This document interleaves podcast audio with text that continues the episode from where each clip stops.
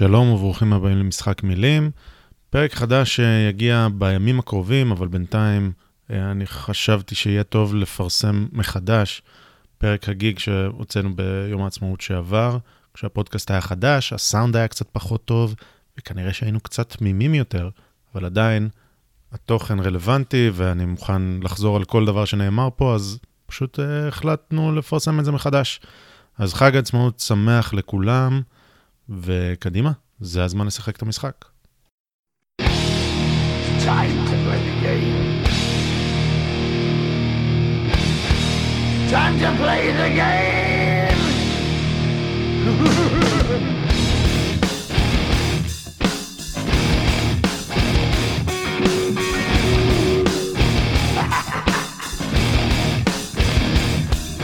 It's all about the game and how you play it. All about control, and if you can take it, all about your debt, and if you can pay it. שוב, ברוכים הבאים למשחק מילים, הפודקאסט שבו אני מנסה להישמע יותר חכם ממה שאני, ולא מצליח שאם תחשבו על זה, אפשר לפרש את זה בעצם לשני הכיוונים.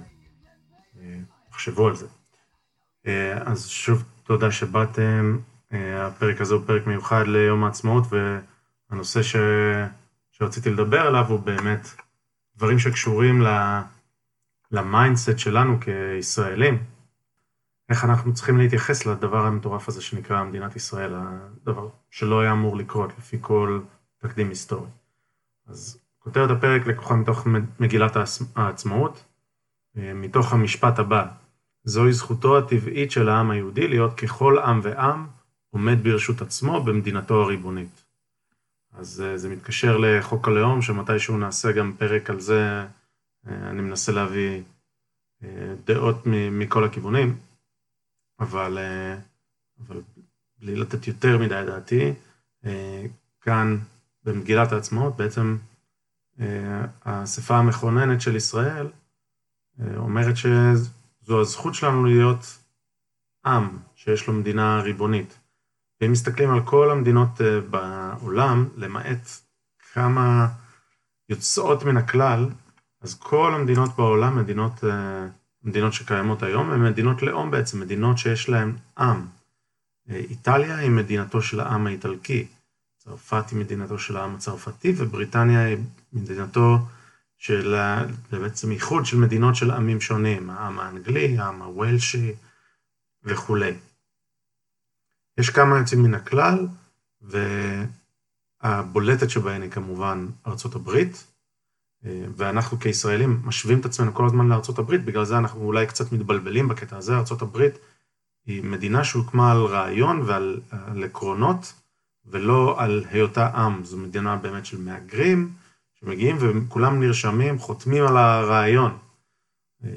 רעיון של החיים, חופש והמרדף אחרי העושר, ודברים אחרים שנלווים לזה. אה, אז זה אחלה, אבל זה היוצא מן הכלל, זה לא הכלל. אה, יש עוד, אה, עוד מדינה כזאת, היא אוסטרליה, וקנדה, יש כאלה שאומרים שהיא גם כזו, אבל אני טוען שזה לא בדיוק ככה, כי קנדה אמנם יש בה אלמנט כזה של, שהיא לא עם ורק אנשים שמגיעים וחותמים על הרעיון, אבל בתוך קנדה יש מדינה שנקראת קוויבק, שהיא מדינה מדינת לאום בתוך קנדה. אז גם לקנדה יש את הנושא הזה של מדינת לאום. יש לנו גם אה, יוצאים מן הכלל קצת בעולם הערבי, ששם מדינות הלאום הם בעצם הוקמו סביב לאום שלא קיים, כמו הלאום העיראקי והלאום הסורי שאנחנו רואים, והלאום הלובי ועוד הרבה דוגמאות שראינו אה, מה זה, מה זה יצר, ששמים ככה קווים על מפה ואומרים זה לאום, כל מי שנמצא פה בפנים זה לאום, מי שבחוץ זה לא לאום. אז לאום זה משהו קצת יותר עמוק, עם זה משהו שלא קשור אה, לגבולות בלבד. אז זה עוד איזה יוצא מן הכלל כזה שלדעתי מעיד על הכלל. הכלל הוא שמדינות מתפקדות ותקינות הן מדינות של, של עמים שזכו להגדרה ריבונית. עכשיו כאן מתעורר ויכוח, יש אה, את אלה שיגידו שיהדות היא לא, היא רק דת, היא לא עם. והתפיסה הציונית אומרת שהיהדות היא דת מיוחדת, שהיא גם לאום וגם גם עם וגם, וגם דת. ויש היגיון בתפיסה הזאת, כי היהדות היא לא דת מיסיונרית, זו דת שקשה מאוד להצטרף אליה, ברגע שאתה מצטרף ליהדות, אתה, אתה כאילו חותם על להצטרף לעם, אה, וזה לא משהו שקורה בקלות, זה לא משהו שהיהדות שואפת אליו, היהדות היא באמת עוברת בירושה כזאת, אז באמת, גם אחרי אלפיים שנה וגם אחרי שהיהודים פוזרו בכל העולם, אפשר לטעון שיש פה עם ששמר פחות או יותר על עצמו ועל ה... נקרא לזה הטוהר שלו.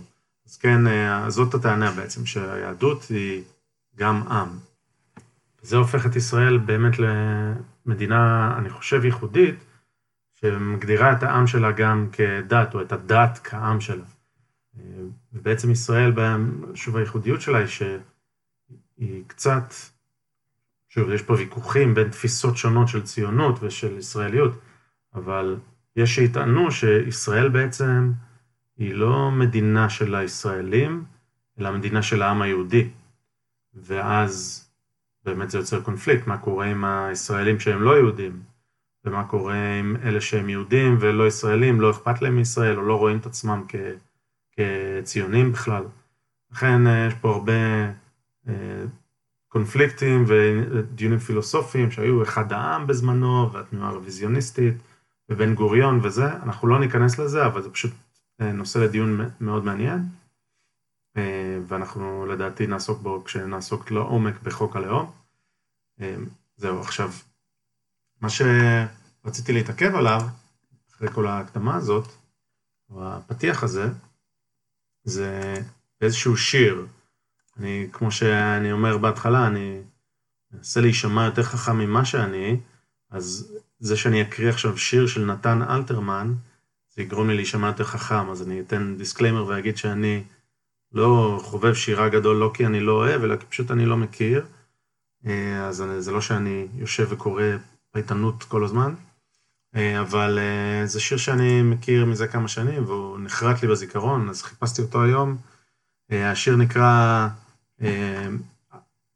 אז, אמר השטן, זה שיר שנמצא בכתביו של נתן אלתרמן אחרי שהוא הלך לעולמו, על ידי ביתו, אני חושב. אז אני אקריא את כל השיר, ואז נדבר רגע על המשמעות, וניתן איזה סיומת. וזהו. אז אה, להלן השיר "אז אמר השטן" מאת נתן אלתרמן.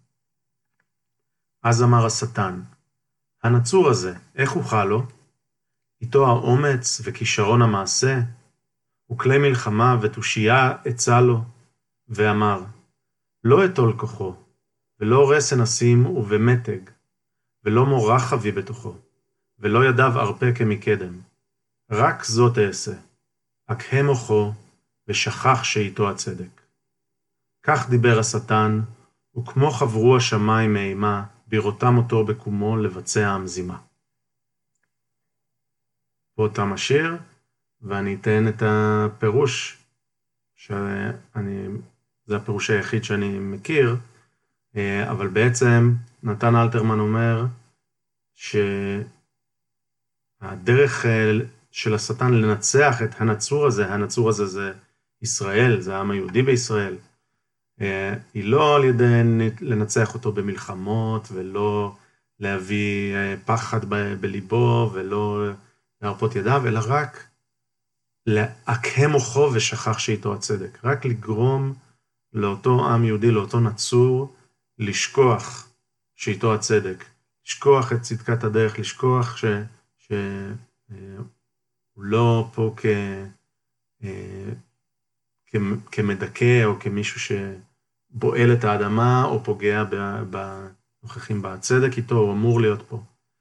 אה, והבית האחרון שהוא קטן יותר, קצר יותר, אומר, כך דיבר השטן, כמו חברו השמיים מאימה בראותם אותו בקומו לבצע המזימה. בעצם זה ממש אה, תוכנית גאונית של השטן. נתן אלתרמן כנראה כבר אה, בשנות ה... לא ברור מתי נכתב השיר הזה, אבל לפני 1970, כבר אז ראה את הסימנים לזה שהאמונה בצדקת הדרך והזיכרון של הצדק שלנו להיות כאן אה, בישראל קצת נשכח מהעם בישראל, וזה האויב הכי גדול בעצם, האויב של השכחה. אז אני... אה, זו, אז רציתי להביא את השיר, את השיר הזה, אני חושב שהוא מאוד חשוב, והוא נחרט לי בזיכרון, כי הוא מדבר כל כך לתחושות שאני, שאני מרגיש גם כן. אה, ואני אספר איזה אנקדוטה שמתקשרת לזה. אני היום, לראשונה מזה הרבה שנים, אה, לא הצלחתי להתייצב ולראות את טקס הדלקת המשואות, שאני רואה באדיקות מזה שנים רבות. אה, והייתה לי צביטה קטנה בלב, אבל נזכרתי איך הרבה פעמים ראיתי את, הטקס הזה עם אנשים אחרים, עם חברים, אה, וכמה לפעמים קשה לראות את הטקס הזה עם חברים שלי. כי הציניות וה... וה... הציניות הישראלית הזאת ממש לא מאפשרת לאנשים להסתכל על זה בעין מתרגשת, כמו שאני מסתכל על זה. אני באמת רואה את הטקס הזה ו... ומנסה לחשוב ולהסתכל בפרופורציה על מה, מה קורה פה, מה אני רואה בעצם, ואני מתרגש, אז אני אה, אולי רומנטיקן חסר תקנה, אבל אה, גם לי פעם הייתה הציניות הזאת שלא התרגשתי וראיתי את זה ככה כיאללה, טקס מגוחך, מדליקים לפידים, תרגיעו וזה, אבל אבל זה קצת עבר לי. אני, אני היום יכול לראות את הטקס הזה בקונטקסט רחב יותר, ובהחלט אה, להגיד וואו. והציניות שיש מסביב, מחברים שלי, היא מבאסת קצת. לא מבאסת אותי שאני לא יכול ליהנות, אלא מבאס אותי שהם לא יכולים ליהנות מזה, שהם לא יכולים להסתכל ולזכור איפה הסבים והסבתות שלהם וההורים שלהם היו לפני זמן לא רב. אה, וזהו, זה בעצם, אה, אני חושב שזה קצת מתכתב עם השיר הזה שהקראתי של אה, נתן אלתרמן, וזה מה שרציתי לדבר עליו כאן. אז זהו, כאן, עד לכאן הגיג הזה. אני רוצה לתת המלצת תרבות שקשורה לגיג הזה. המלצת התרבות שלי היא כבדה יחסית, היא פודקאסט, שנקרא מרטיר מייד. בעצם נעשה כקדוש מעונה, אפשר לתרגם את זה, ואם אתם מחפשים אז אתם יכולים לחפש אה, דריל קופר, אה, הוא היוצר של הפודקאסט הזה, מרטיר מייד, אה, והוא הדבר הכי דומה להארדקורד היסטורי של דן קרלין ש... שאני מכיר. בעצם הוא בחור שעוסק בהיסטוריה וב...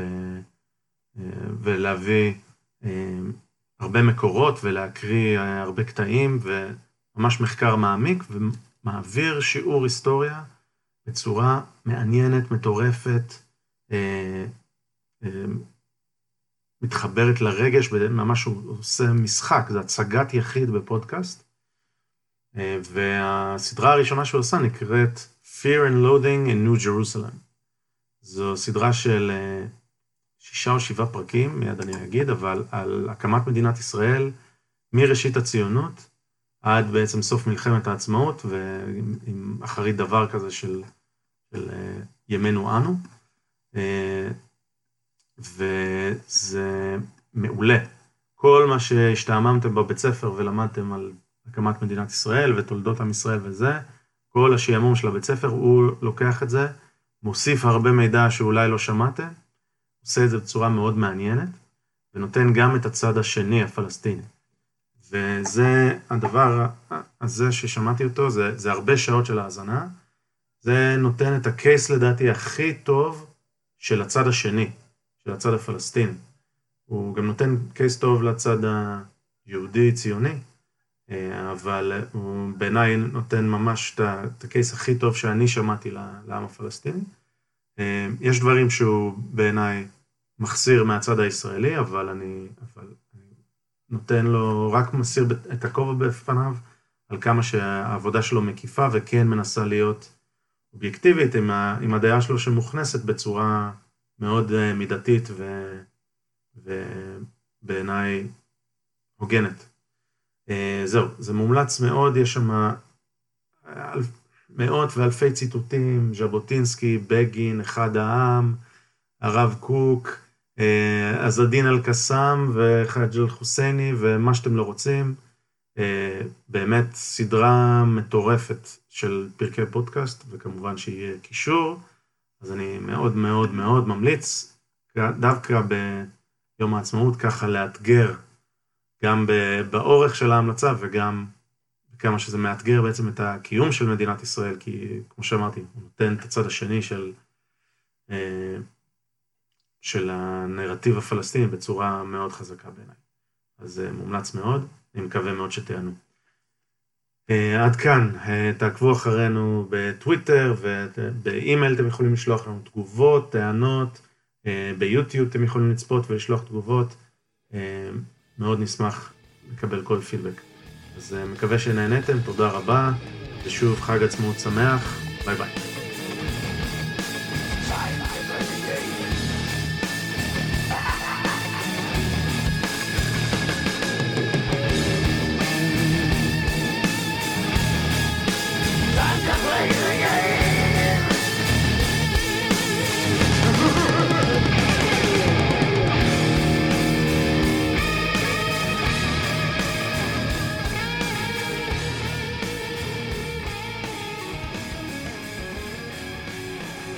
אם אתם רוצים את הפודקאסט הזה בעל ערך, אז תכתבו לנו תגובות באתר, באימייל, תעקבו אחרינו ביוטיוב, בטוויטר, צייצו אותנו, תשתפו אותנו לחבריכם, כשעוד אנשים ישמעו ויוכלו להאזין, כי אם מצאתם את זה שוב בעל ערך, אז אולי זה שווה. כל אינטראקציה שלכם עם התוכן הזה רק תעזור לנו. אז uh, מודים לכם מראש, ותודה רבה שהאזנתם. להתראות.